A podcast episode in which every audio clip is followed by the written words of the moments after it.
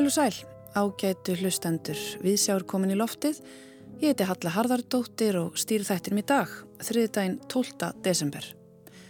Það eru ljúfur tónar sem að opna þáttin. Þetta eru tónar af nýjútkominu plötu Magnúsar Jóhanns Ragnarssonar.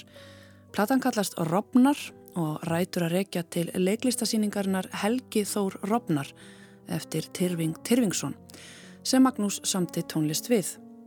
Hann hefur átt við tónlistina í nokkuð tíma, bætt við og dreyið frá, brotið niður og byggt upp og er útkoman bræðingur af sveimandi hljóðgjörlum, blástursútsetningum, piano og orgelik. Tómas mun taka Magnús tali hér undir lok þáttar. Hildegunur Sveristóttir arkitekt verður einnig með okkur í dag að þessu sinni mun hún fjalla um rökkur rými í byggingum og hvernig hinn er ímsu hugsuðir hafa skoðað það út frá ímsum sjónarhornum. En við hefjum þáttin á ljóðum sem fjalla um eitthvað sem að allar konur upplifa einu sinni í mánuði stóran hluta æfisunar, blæðingar. Ester Hilmarsdóttir var nýverið tilnæmt til fjörveluna fyrir ljóðabókina Fegurðin í flæðinu sem er hennar fyrsta útgefna verk. Með ljóðunum segist Ester vilja opna á umræðu um blæðingar og hún segir bókina vera jafn mikið fyrir þá sem að blæðir ekki eins og fyrir þá sem blæðir. Ég ringdi Ester í morgun og fekk að heyra meira.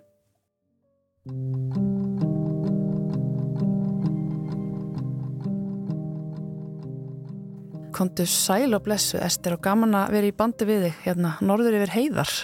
Já, takk fyrir það, takk fyrir að heyra í mér. Hvað ertu nákvæmlega stödd svo að hérna, við getum gefið hlustundum svona hugmyndum hvernig þið er að hugsa um þig núna með að tala? Já, heyrði, ég er í, í aðaldal í Þingjæðasveit, en ég er bondadóttir á norðan og er fætt og uppalinn á, á Sveitabæ. En þú ert búin að vera lengi í burtu og frekar nýflutt aftur heim, ekki satt? Jú, það passar. Ég er svona búin að þvælast um allan heim. Hef búin að búa Erlendis í 15 ár, um, hef búið í Reykjavík, San Diego í Bandaríkjunum, Edinborg í Skotlandi, Hong Kong og Zurich í Sviss og nú er ég svona komin ringin bara og flutt aftur á æskurslóðinar í, í þingasveit ásand börnunum mínum. Var það alltaf planið að koma heim aftur?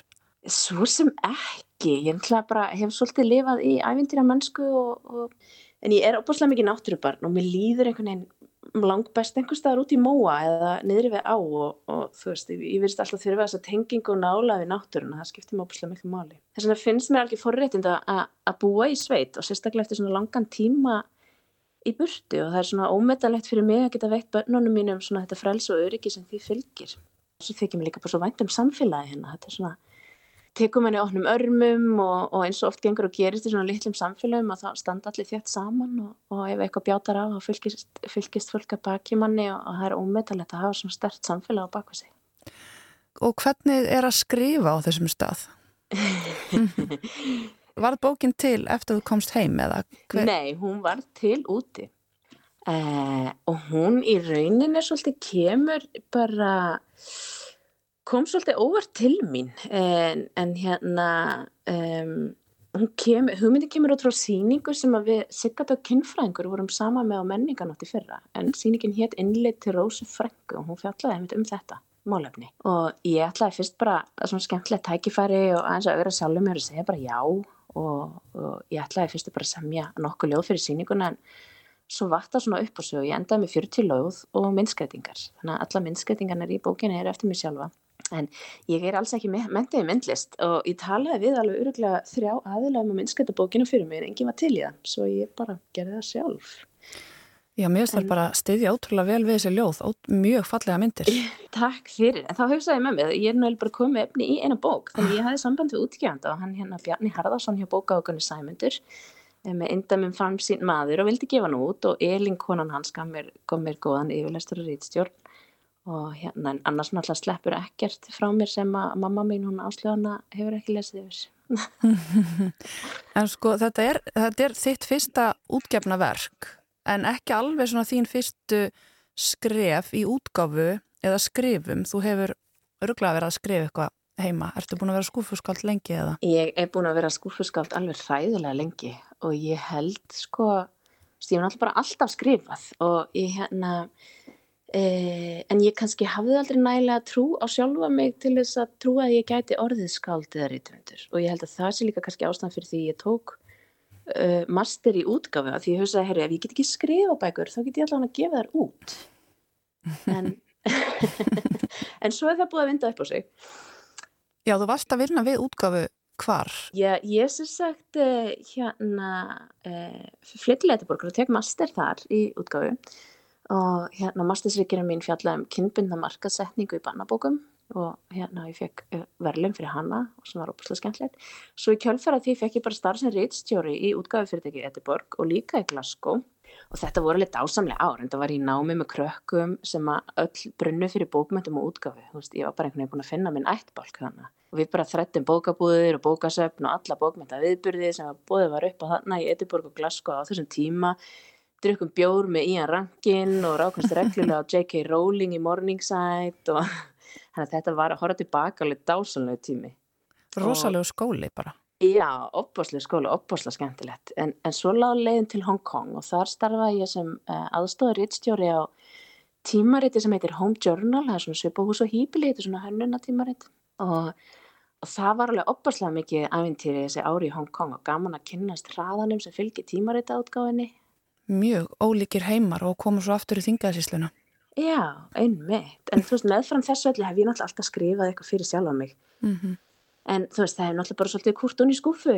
En ég er svona skriðað út úr skúfunni og hef svona fengið byrt eftir mig ljóð í tímaritinu Són til dæmis og, og svo náttúrulega fekk ég núna minna fyrstu ljóðbók útgefna og Og, tilnefningu til fjörveluna. Einmitt. Gengur ágætlega hjá þér bara. hérna, af hverju bókum blæðingar? Það er sennilega vegna að þú varst í þessu samstarfi við Sigurdögg þarna í fyrra þannig að þar hefst þetta ferðalag Já, ég held að markmið bókarina er bara svolítið að opna á umræðina um blæðingar og, og leifa svolítið lesendanum að, að stíga inn í þessa upplifin þannig að þetta er alveg rannja mikið bók fyrir þá sem blæðir ekki eins og fyrir þá, þá sem blæðir mm -hmm. veist, þetta er bara svolítið að komast í námynda við upplifinu og öllu því sem henni fylgir og svona vitundavakning og svifta hulunni svolítið af og, og mér langaði svo mikið að pota svona í allar svo skömm og, og, og þú veist, allt svona varandi umhverfið líka, svona mikið svona umhverfiskömm mm -hmm. sem loðir við þetta, en svo er þetta líka bara svona náttúrulegt fyrirbæri sem við höfum eitthvað stjórn á. Og ég er bara svo þreytt á allir þessari skömm, þetta er bara kroppurinn okkar. Nákvæmlega, sko, og einmitt eins og þú segir þessu umhverfiskömm sem höfður eiginlega bæst ofan á hýna líkamlegu skömmina svona í setni tíð. Hérna, bókin í heilsinni, þetta er í rauninni Það má alveg segja að þetta sé bara ferðala konunar frá fyrstu blæðingum og til tíðaloka. Þetta er bara allur ringurinn og, og ferðalega hefst svona á forvitni og femni og svo er mitt mhm. breytist femnin svona rólega bara yfir í skömm. Og það er svo merkilegt hvað hérna allar konur virðast finna fyrir þessar skömm þó að þetta sé kannski aðeins að breytast núna, er það ekki? Einmitt, það er einhvern veginn svona, þetta byrja með einhver svona eftirvendingu og þetta sveipa, sveipa svo mikið dölúð og en svo einhvern veginn er upplifunin svona sem annars gæti verið svolítið sveipið einhverjum ævintýra ljóma verður svolítið, þetta rapar svolítið einhvern veginn mm -hmm. af því að það fylgir þessu svo mikið skömm og þú veist, ég, þú veist, það er svo margir einmitt þeir sem fara á blæðingar einmitt kannast við þetta verið eitthvað svona pukrast með dömubindi og það er svona verið að að skjá skjótaði eitthvað svona á milli tösk, á, á, á í eina tösku eða eins og þetta sé bara eitthvað svartamarkastótt já, algjörlega sem að sé bara eitthvað að díla með fíknefni mm -hmm. eitthvað hópjörnum degi eitthvað, þú veist, tróðis upp í ermi og í rasvasa og enginn maður sjá og, og þetta er bara svo skrítið allt. Fela bletti, fela allan úrgang og all ummerki eins og kemur fram líka í ljóðunum um mitt ummitt og svo náttúrulega líka, þú veist, ekki nota plast og það má ekki þetta og það má ekki hitt en þú er maður að vera hérna hérna svona ábyrgugakvart umhverfinu en samt átt að skammast eins og mikið að þú ert að felita og þú veist, og þetta er bara svo, svo mörg skilabóð, þetta er svo mikið pressa, þetta er svo skrítið allt saman mm -hmm. Algjörlega, samt tölu við ótrúlega lítið um þetta mm -hmm. og einmitt eins og kemur fram í einu löðun einu forréttindin sem virðast að vera falin í þessu er að geta verið forföllu í Íþróttum, það var svona eina sem mann fannst gott við þetta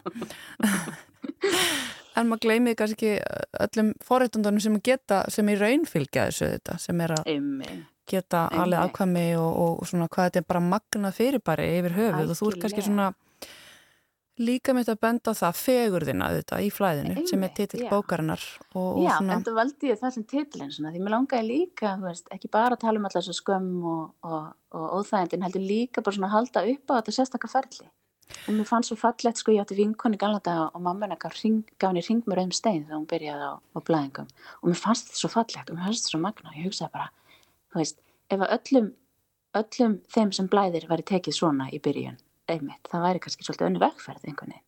Algjörlega. Einmitt, það myndi ekki hefjast bara á þessari skömm heldur kannski einhverjum fögnuði bara. Akkurat. En sko, svo er annars sem þú kemur líka inn á í þessari ljóðabók, það er um, sko hvað rauði bletturinn í buksunum getur þýtt margt, bæði bæði létti og skömm og, og, og líka sorg. Létti ef þú ert í þeim aðstöðum að þú ert kannski að kviða fyrir ykkur sem ætti ekki að gerast. Algjörlega. og svo sorgin eða þú ert að býða eftir ykkur sem að gerist ekki. Algjörlega, þannig að þetta er svo, svo marg þætt og marg laga einhvern veginn. Og, og hvaða merkingu og hvað eftir, hver er eftirvendingin þín? Er það að sleppa eða er það verða þunguð eða. Nú hefur búið lengi í öðrum menningarheimum alveg mm -hmm. eins og varst að segja okkur frá einn áðan hvernig er litið á blæðingar þar? Uppliður einhverja aðra menningu kringum og hluti þar eins og til dæmis í Hong Kong? Já, mér fannst alltaf mikið meira pukur þar svona femni einhvern veginn varandi mm. bara svona, já og auk þess að það, það er náttúrulega, þið tróðum náttúrulega kvítunarefnum í allt, all krem og allt svona og ég man það, ég ekkert var ég eitthvað að finna dömbind út í búð og það var fann ég mig dömbind sem að búið að setja kvítunarefni ég sagði bara, guð mig góður. Já. Já, ég menna það er til dömubindi með það er til dömubindi með ilmefnum. Já, svo það líka, einmitt, mm -hmm. og mér það líka sendir svo mikið skilabóð um með mig þú ætti að skammast þín mm -hmm. þú ætti að blæðingum að ruggla vondlíktar og hérna er bara, setjum bara fylta ilmefnum sem er alveg áræðanlega ekki góð fyrir flóruna þína. Mm -hmm. Þú veist þannig, þannig að skilabóðum koma úr svo mörgum áttum og þetta mm. er bara svo, svo styrlað, svo margan hátt Hvernig skrifaði þessa bók? Var þetta bara svona nokkurn veginn í einum rikk, hugsaður hana strax sem svona ferðalaga eða hvernig kom þetta til þín? bara hægt og rólega og svona, það er svo gaman þegar maður tekur eitthvað innan svona ákveðins að ramma að þetta er svolítið þröngur rammi þú veist, þetta þema er svolítið þröngt gæt svo sem ekki farið við hann völd en samt er alveg af nóg að taka einhvern veginn. Þannig ég byrjaði bara svona kropp í þetta og byrjaði svolítið mynda að fara líka bara yfir tímalínuna frá því að ég var sjálf unglingur.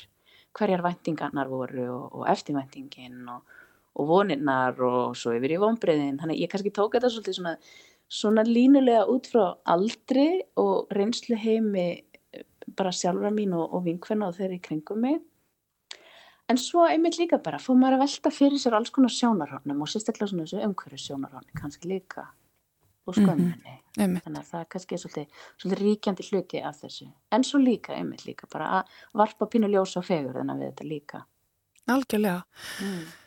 Já, bara til hamingju Ester með þessa fyrstu bók og með tilnefningu til fjörveluna. Þú lítur að vera aðeins svona örugara með þið núna, er það ekki? ég veit það ekki. Þetta er eitthvað opbóðslega mikil heiður og ég, er, og ég er þakklátt og hærið og auðmjúk yfir þessu öllu saman. Þetta er náttúrulega svolítið súrealísku upplefin fyrir óþægt skáld með sitt fyrsta verk að standa þannig að taka mútið svona tilnefningu og ég ég gjóaði augunum alveg á þessar kanónur sem voru þannig með mér í, í flokkinum í fagabókmyndum, þær viti þessi Gríms og Kristínu Ómar svona til skiptis með óttablandinni virðingu en auðvitað er þetta heilmikið viðkenning og og hvatning til þess að halda áfram. En ég er samt svolítið varkár í kringum þetta allt, svona, svona tilnefningu eins og þessari getur líka fyllt svolítið hættulegu vím og það getur verið erfitt að viðhalda henni. Ég upplifið svolítið egoð eins og eitthvað ósæðjandi skrýmsli og það vil bara meira og meira meira meira viðkenningu og meira lof og meira fjör. Þannig að ég reynir svolítið að aftengja egoið og ríkhalda í auðmygtina ég er svolítið sættum að hitt getur líka svona skemmt sköpunaferlið og þetta náttúrulega flæði sem að, sem að skrifin eru og ljóð er líka bara svo brótætt fyrir bara eitthvað veist, og ég upplifa alveg annars slæði að ljóðið hafa bara yfirgefið mig og það muni aldrei koma aftur og ég muni aldrei framar geta samið annar ljóð. En svo verðist það alltaf finna mig aftur. En þetta er alveg opaslega skríti ferli en, en öruglega eins og allir sem að skrifa þá er þetta knúið fram af einhverju svona ótskýralegri þörf og, og það er ekki hægt að hundsana þannig að fyrir mér er þetta svona eins og vera með þrálátan exemplet sem ég klæjar stanslust í og skrifin eru smyrslið. Þannig að þetta er svona bæði útrás og næring einhvern veginn. Hljómar eins og að munu koma eitthvað meira frá þér Ester. Ég vona það, já, algjörlega. Algjörlega, planum mitt um, mitt um jólin er að loka mig af og, með konfettkassa og klára mína fyrstu skáldsögu. Já, þannig að þú ert að skrifa skáldsögu Já, ég, ég er búin að vera fimm ára kropp í hana, þannig að nú ætla ég að, að klára hana. Ég á svo, ég á svo lítið eftir, það er stutt í land. Heldur betur kvartning til að... Ég heldur betur og hver veit, kannski er ég bara komin aftur heim eftir öllis ár til þess að skrifa. Búin að þvælast um verildin í öllis ár og sapna eldi við þið og nú er ég komin nóg og gett sest í tölvuna og nú hef ég sleikar bara.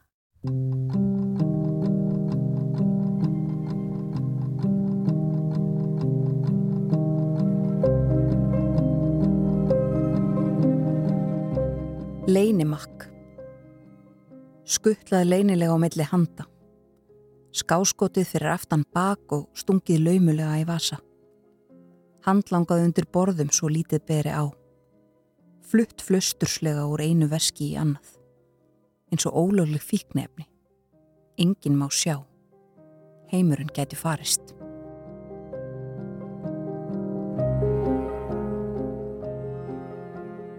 Samlokupókin Hreinlundaðar stúlkur skilja ekki dömubundi eftir í ruslatunni hjá Karlmanni nema pakka því fyrst í plastpoka. Annars ringir hann aldrei í þig aftur. Það er samt best að stinga ósómanum í veskið, fela og geima þar til úferð. Henda því svo í almenningssorpið úti. Þá er ekki hægt að rekja það aftur til þín. Þess vegna eru ábyrgar túrverur alltaf með rúlu af samlokupókum í töskunni en þú átt samt algjörlega að hætta að nota plast. Það er svo hræðilega slemt fyrir umhverfið. Smán og sneipa. Skammastu þín ekki öruglega? Þegar þú keftir bindi í fyrsta sinn, tvístigandi og hikandi við ákvæsluborðið. Þegar dömubindið datt úr skólatöskunni. Þegar það blætti gegnum buksunar þegar þú þurftir að skóla úr byggarnum á almenningsklósetti. Þegar þér blætti í lakið. Þegar þér langaði að sofa hjá en vildir ekki misbjóða hjásvæfunni. Þegar þú gast ekki færði í sund og einhver spurði hvers vegna. Þegar það fór blóð í sengina. Erum við búin að skammast okkar nóg?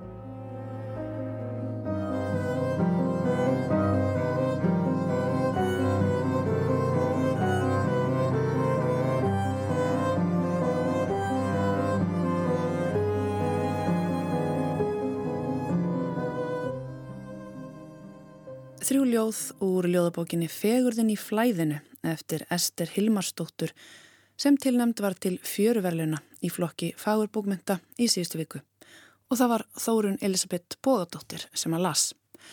En úr blæðingum höldum við inn í myrk rými með hildikunni Sverisdóttur.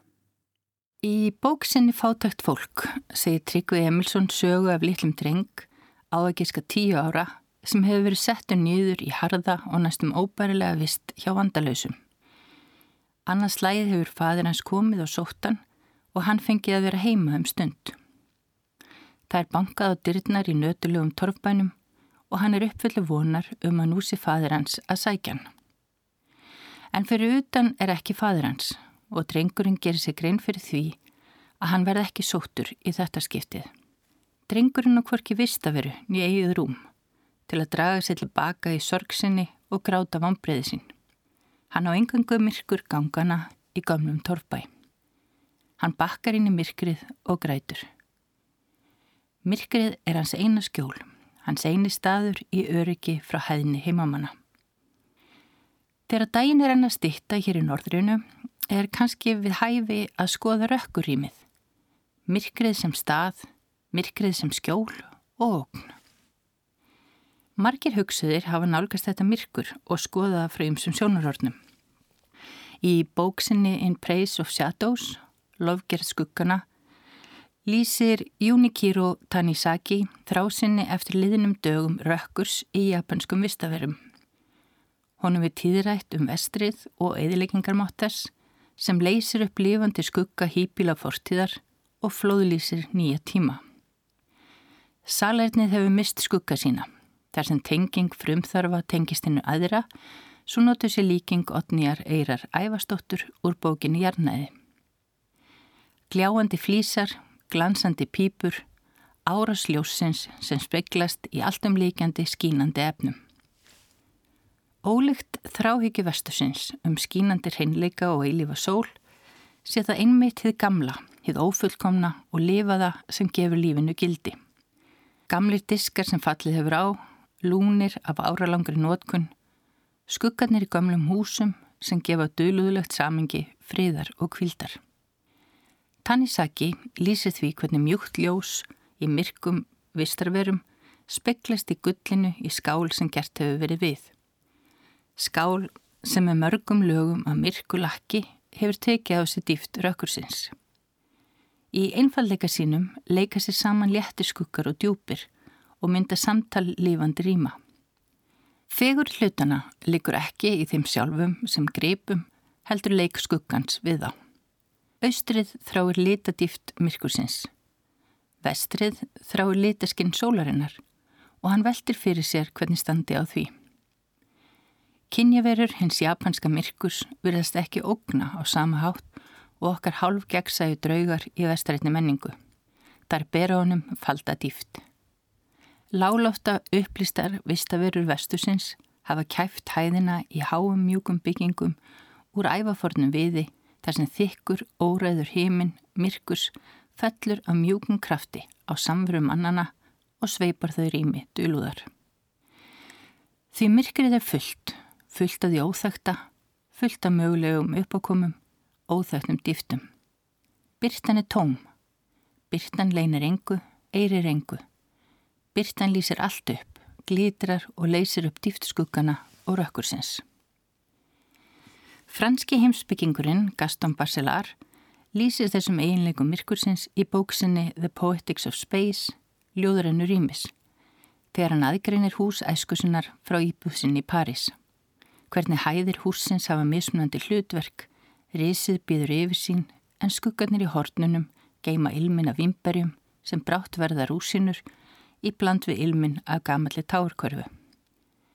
Í skuggum horna heimilisins á miðþæð sittur gamal þjótt eða amma við störf og veitir barninu öryggi.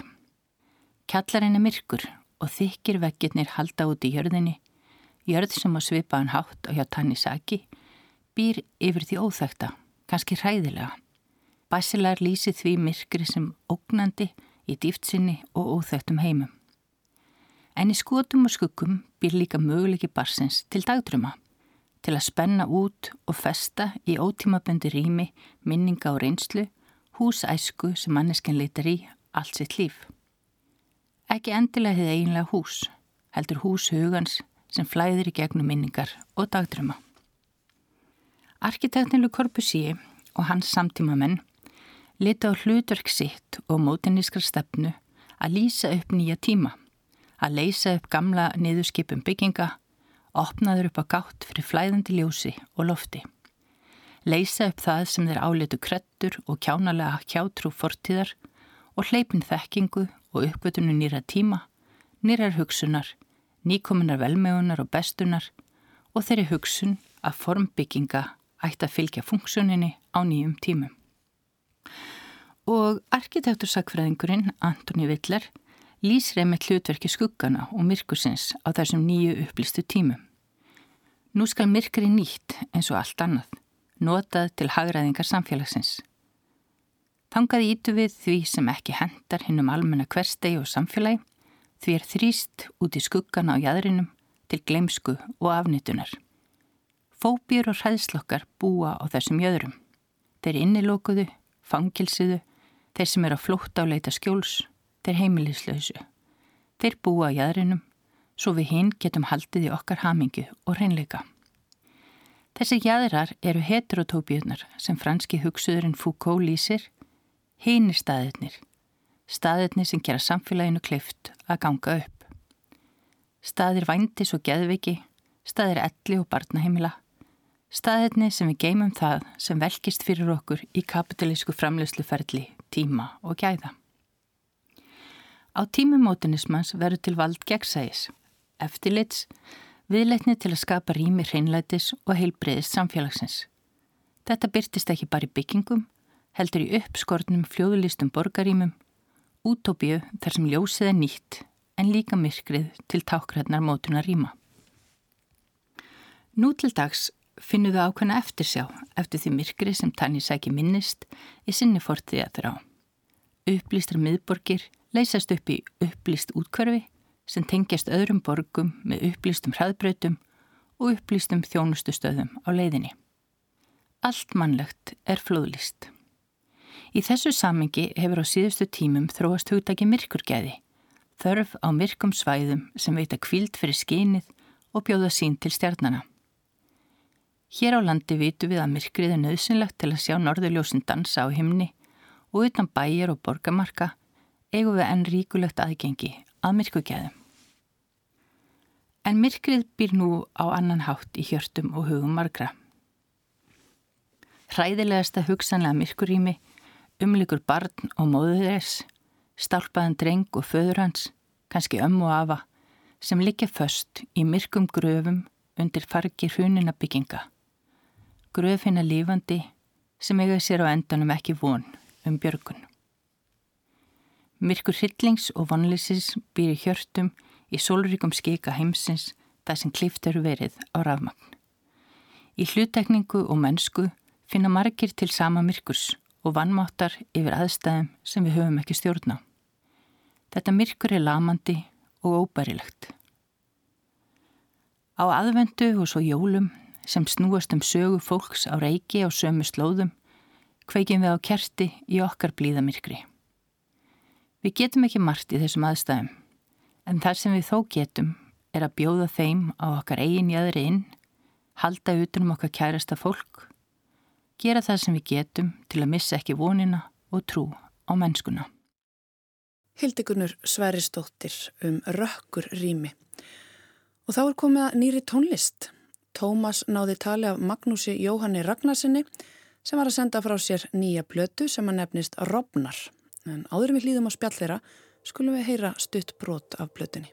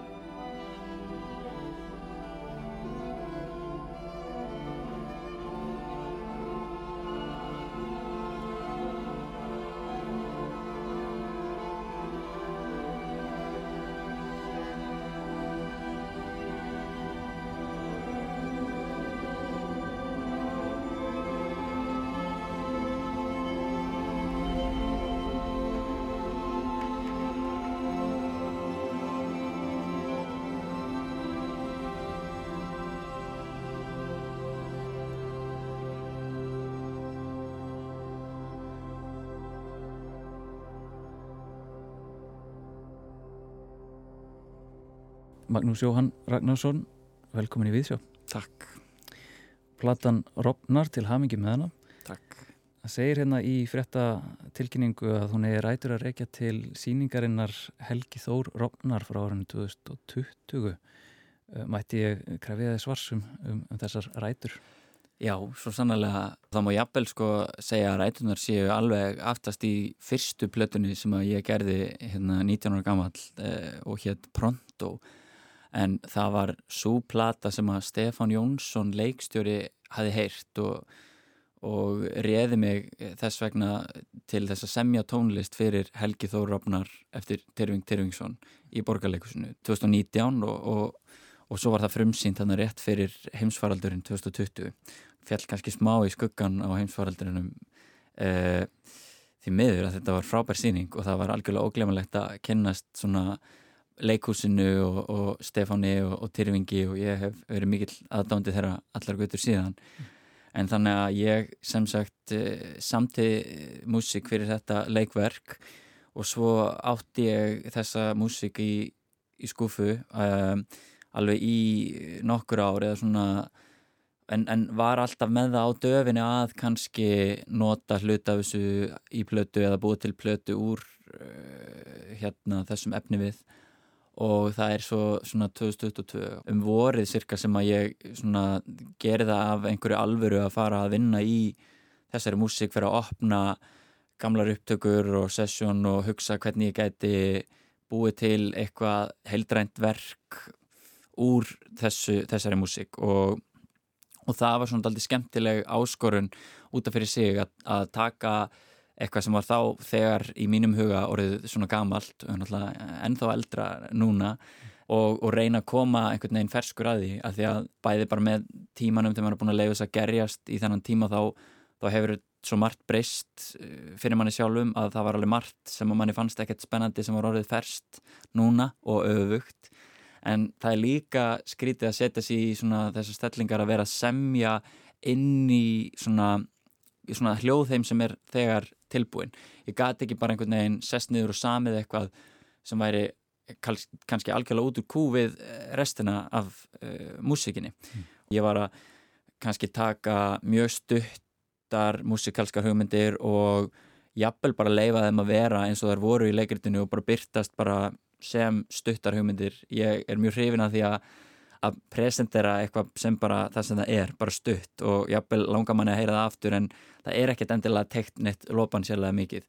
Og svo sömulegis var maður kannski með langa, raf, ópussa, kannski tíu minna löng, svona sveim, eh, naumhyggju, ambient verk sem að maður þurfti að ákveða að finna farveg í svona heldar samengi plötunar, kannski stitta niður í einhvern mínútu fjölda eða eitthvað sem að passaði inn þannig að þetta var mjög skemmtilegt ferli sem að fór svona mestuleiti fram 2022 og sumt eins og ég segi kom alveg bara beint af kunni úr leikritinu og sumt er alveg massíft breytt og svo samt í maður eitthvað nýtt og endur svona raðaði hlutum og, og, og það varð e, þessi plata sem er til í dag, Robnar mm. Já, það er mikil uh, tilfinningi fyrir heild að þessari plötu þegar maður fer inn í hana bæði sko líka bara plötu umslæðið sjálf myndin þar framan á en líka inn í hana lögin hafa í raun ekki titla heldur bara númer eins og kaplar í bók Er þetta að hugsa þetta sem leiðangur eða sögu eins, eins og skaldsögu eða eitthvað þannig? Strúkturinn náttúrulega fylgir að einhver leiti náttúrulega narratífinu sem er í leikritinu þannig að það var svona mjög auðveldlega til svona mikið ferðalag uh, þegar maður hlustar í gegn þá, þá svona, og ef maður er kannski með leikri tilbaka við eirað þá getur maður náttúrulega heyrt svona og síða fyrir sér atbúrárasina í leikritinu en það var einmitt eins og segir laugin hafa ekki titlaðara en bara svona númer uh, og það var líka leiður í því að leifa plötun að vera þú veist, hún er með þessa rætur í leikverkinu og, og titillinu þetta vísar til leikritsins en mér langaði ekki að gefa bara út svona skorplötu þú veist, það, mér fannst það einhvern veginn skemmtilega að leifa þessu að vera eitthvað sjálfstætt og óræðara bæði með því að búa til þennan heim með plötuumsleginu og með myndböndunum sem að, tónlistamyndböndunum sem að ég gerði með plötunni. Og þá einhvern veginn eins og segir þá er hægt að bara lesa í þetta hvernig sem er í rauninni, þú getur náttúrulega kynntir leikritið eða lesið það og pælt og þá getur þú kannski séð fyrir þér þásögu eða þetta bara getur verið eitthvað algjörlega allt annað eða þú getur búið til þína eiginsögu eða hvað sem er. Um, ein af fyrirmyndunum var kannski fyrsta soloplata Jóhanns Jóhannssonar Englabörn, hún er sko músik sem að hann samti fyrir leikrit fyrir alveg, ég held að hafi verið í, í kringum aldamótin en það vita það ekkert endilega mjög margir að músikin eigi rætur í hérna leikverki. En, en músikinn stendur einhvern veginn og lifir og, og vonandi mun Robnar kannski gera það. Að þetta leikverkinu algjörlega ólaustuðu það er náttúrulega stórkostlegt sko Helgi Þór Robnar en hérna en já þannig að þetta var svona einhver tilraun hjá mér að gera þetta á þennan veg Já og ég fór um mitt svolítið að hugsa um þetta orð róf eða aðrófna að eitthvað sé að ripna og, og, og það er svona eins og að séu líka tilraunir í, í innan verksins til þess að tjá eitthvað skonar bæði rof eða trublun uh, minna að sé bara strax í fyrsta hlutanum þá, þá er eins og sko hljóður ásirnar eða eitthvað séð svona grotna niður í eitthvað svona stafrænan bruna. og svo kemur það annars að það er eins og svona tónlistin sé eitthvað neina að riðjast út fyrir formsitt og svo með myndi eftir því bara af plötu hérna, tuma árna svona hlínun þar er þetta einhverju píjánosóla sem eitthvað verið svona að liggja inn í píjánóin og trubla það mm -hmm. um, já svona trublanir og, og róf er, er það þér hugleikið? Alveg, alveg klálega, það var náttúrulega uh, svona, mér fannst það mitt svo viðegandi að skýra plötuna Robnar bæði að því að það er hérna tilvísun í leikritið en líka bara því mér fannst það lýsandi fyrir innihald plötunar. Ég var mjög mikið að leika mér að því að taka einmitt einhver hljóð og rýfa þau svolítið í sundur. Ég var rosalega mikið að, að bytt krössja hljóð. Ég veit nú ekki hvernig maður segir það á íslensku en þá ertu í rauninni að sko minga upplaust hljóðsins að þú ert að taka, þetta er eins og ef maður tekur ljósmynd og, hún verður sífælt meira pixluð, það er svona svolítið eins sá-effekt nema eh, í hljóði. Þannig að ég var kannski að taka einmitt einhver e, tæran, eitthvað innfallt hljóð úr synthesizer eða úr pianoi eða básunu eða eitthvað. Og svo kannski sendi ég það hljóð í gegnum synthesizer og tók ákveðnar tíðnir út og bjagaði í og svo sendi ég það þaðan inn í uh, segulbandstæki eða svona echo-vél og inn í gorma-reverb eða svona spring-reverb og fæ enn meiri bjögun í gegnum það og svo kannski enda ég á að bitkrössja og minga þannig svona upplýstununa á því hljóði. Og þá er ég komið með eitthvað sem er orðið svona eiginlega algjörlega stafrænt en samt búið að fara í gegnum allar þessu svona flaumrænu eða hliðrænu analog uh, leiðir sömu leiðis og maður var svona búa til þennan svona digital heim sem blandast síðan samt líka við það er, uh, það er svolítið af blástri blástursljóðfærum sem Bergur Þórisson leikur á bassabásuna og básuna og flúkelhorn og Bjarni Fríman leikur líka á, á strengi. Þannig að þetta blandast svona doldið við þetta svona mikið stafræna. Mm. og svo fyrir til dæmis í leikverkinu þá, þá vorum við með svona eiginlega blátt bann við píanói, það var eiginlega of svona Uh, bara of overstated einhvern veginn fyrir tilfinninguna að hafa piano en ég leiði mér á plötunni að, að vika eins uh, út á hverjum þemu sem voru í leikverkinu á emitt piano og það er mikið að pianoi emitt á plötunni sem er mjög bjagað og falið og, og, og, og spilast öfugt og alls konar og heyrir ekkert endilega sér piano þannig að það var gaman að síðan vera með nokkur lög sem eru bara svona svolítið vennjulegt piano þar sem maður kannar svona meira hefðbundin lengir ákveðin stef og hefur það eins hefðbundnari og blandar því inn í svona þennan stafræna heim. Og ég held að hittir alveg naklan og höfuði með það ákveðin hljóður svona grotna niður og það var alveg svona markmiðið sko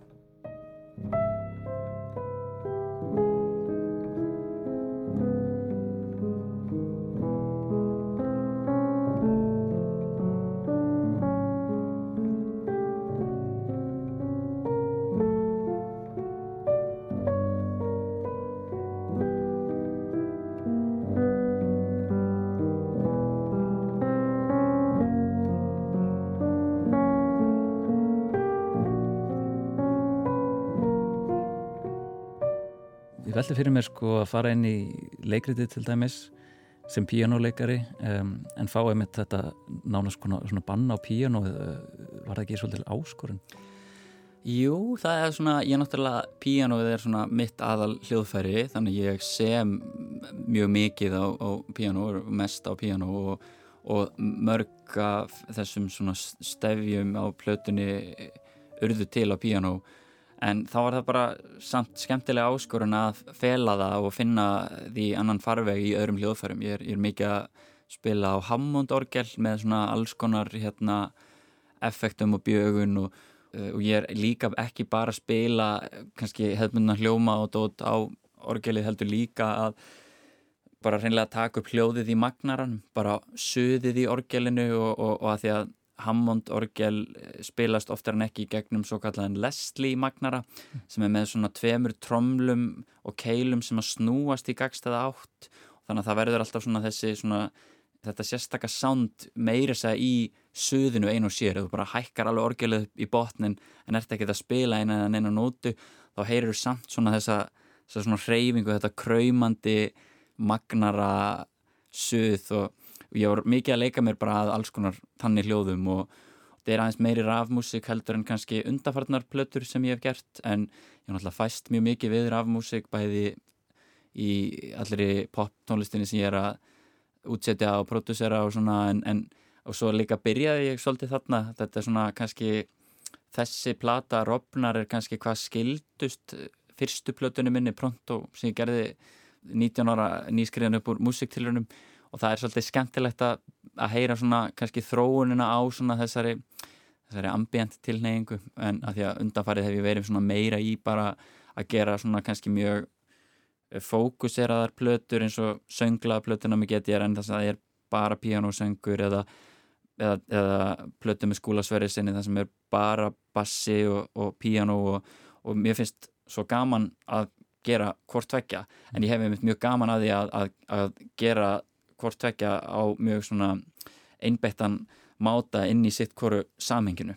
Mm. að viljandi nýta engin rafhljóð með guðrunu eða skúla þótt að mögulegarnir séu til staðar en á sama tíma að vera síðan algjörlega inn í svona þessum hljóðheimi sem maður er búin að búa til fyrir opnar og nota í mitt allsengaröð eða allsenganbassa þar eða eitthvað svo leiðis Akkurat. Um, og ég hef ekki heyrt pronto. Ég þarf að, þarf að renninni við, við tækifæri. En, uh, en einmitt var svolítið hugsað með þessari plötu til Without Listening sem gafst út uh, 2019 eða 20 mm. álega um, þar eru nokkur verk sem nýta sér sem raf heiminn svolítið mm. og, svona, og fara stundin svolítið langt með hann. Með þetta skemmtilega tenging. En einmitt svo er, svo er þessar mjög akustísku plötur og svo uglur sem, var, sem nýta sér svolítið svona uh, klassískar uh, útsendingar Um, þegar horfir yfir síðan þessa heild sem er svolítið margræð uh, finnur þú eitthvað svona þráð líkið þannig gegn? Já, ég sko allavega ég þykist sjá að heyra rauða þráðin og ég vona að, að eitthvað fólk gerir það að því að það er, ef mitt finnst þú skulir minnast á þetta því að Robnar er svona eiginlega síðasta platan í svona mjög stórum boga sem er búin að vera í gangi í mörg ár hjá mér uh, og bara svona leður í því að að hreinsa aðeins skrippborðið af músík til þess að mynda að geta bent á allt þetta og sagt hérna já ég er þetta, þetta og þetta eða allavega fyrir mér mm. og ég og mér margar hetjur í músíkinni en einn þeirra er til dæmis uh, japanska tónskáldi Ryoji Sakamoto sem fjall frá fyrir á uh, þessu ári en maður lítur til dæmis á hvernig feril hann hefur átt sem tónskáld og tónlistamöður þá finnst mér það mjög virðingavert og eftirsóknarvert hvernig hann náði að gera mjög tilröndakendar plötur og mjög aðgengilegar plötur og það eru piano og strengjaplata og svo er svona tilturlega avantgard ambient plötur með þýskum ráftónlistamanni sem heitir Alva Noto og, og svo framvegis og svo framvegis. En þú heyrir samt alltaf svona þennan Sakamoto þráð sko, jafnvel þótt þú farir allarleið í upphafðans í Yellow Magic Orchestra sem er svona early hérna synthaband í 70's og 80's þá heyrur samt svona höfundarenginni Sakamoto hvernig laglínur hann semur og, og svo framvegis og, og þannig svona ég vona að ég sé að taka einhverjum framförum og, og maður er alltaf í einhverju breytingu og maður getur heyrt svona einhvern boga millið allar þessara platna en, en einmitt sameilega snertifliti eins og þú ert búin að koma inn á sömu leiðist það er mikið af raf svona áhrifum á without listening og svo kannski sem að eru uh, kafað ennþá dýbra inn í á Robnar en svo eru náttúrulega kannski píjónuverk á Robnar líka sem að það sem að heyrist eitthvað nefn fyrir laglínum sem að kannski heyrist uh, á plötunum með skúla Sverris sömu leiðis mm. og núna er ég með svona mjög spennandi staða á næst ári kemur út hérna uh, dúoplata með Óskari Guðjónssoni saxofónleikara þar sem að við sömdum sitt hverjan helmingin af lögunum og, og þegar að súplata kemur út næsta haust þá verður maður svona í fyrsta sinni í langan tíma með algjörlega tómt skrippborð maður er alltaf með einhverjar hugmyndir í, í kollinum sko en, eh, en ég er svolítið spenntur fyrir því að vera ekki með einhvern veginn efni sem maður svona mann er langar að koma frá sér. En, mm. en það er bara svona að hérna, vera alltaf í sprenga að þurfa að segja eitthvað. Spentur en, en ekki kvíðin? Nei, ég er, ég er ekkert sérlega, ég er, ég er mjög spenntur sko að hérna gefa út þessa plötu með Óskari, ég er mjög ánaður með þá músík og hún stendur mér mjög næri uh, og Óskari sömu leiðis. ég, já, ég sko svona akkurat núna undarfarna mánuði hef ég verið doldið lítið innblásin en það er líka því að það er bara svona stundum vill verða þannig þegar það er of mikið að gera en ég er búin að vera að nú lengi til þess að vita að, að þetta kemur bara í bylgjum stundum svona er of mikið að gera og svo róast þetta og, og þá ef maður fyrir bara nú oft í gungutúru og sund og svona þá, þá kemur allavega oftast að hinga til hefur eitthvað byrst aftur. Ég held að það sé góð loka orð Magnús Jóhann, takk hella fyrir spilið Takk fyrir mig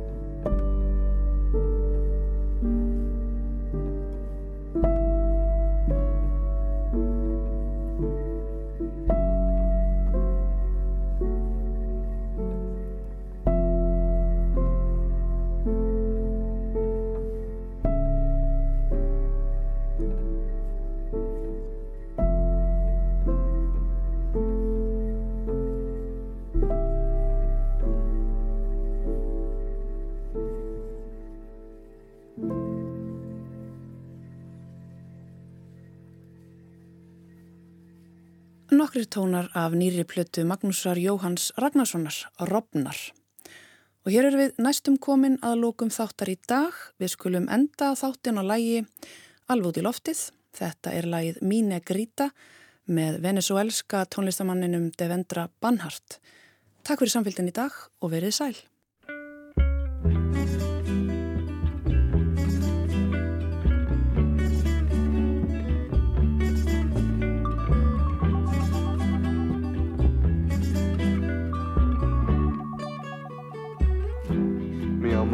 Tiene esperanza, aunque te esperará. Mi corazón se avanza, un fantasma corporeal. Mi amor no tiene venganza, aunque te matará.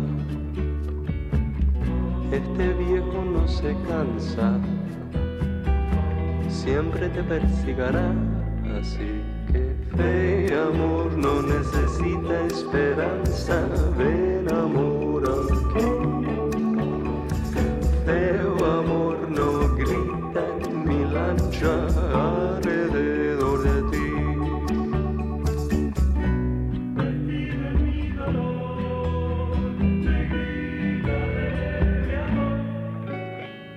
Feo amor, mosquito tan dandy,